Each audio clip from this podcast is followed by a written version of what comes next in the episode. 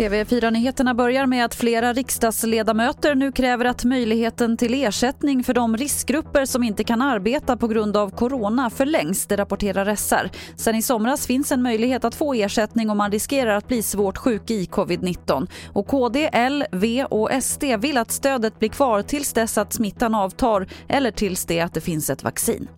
Så till USA där Donald Trump har tagit ledningen i opinionsmätningarna i den viktiga delstaten Florida. Vi hör Frida Stranne som är statsvetare och USA-forskare.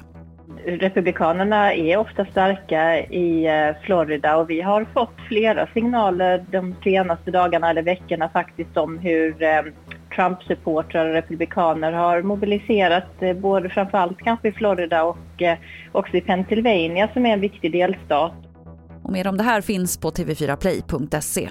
Och till sist kan vi berätta att flera kommuner i Skåne nu stänger verksamheter på grund av den ökade spridningen av coronaviruset. På flera håll stängs simhallar, bibliotek och fritidsgårdar. Och i Osby kommun återinförs besöksförbud på äldreboenden från och med idag. Det var det senaste från TV4 Nyheterna. Jag heter Lotta Wall.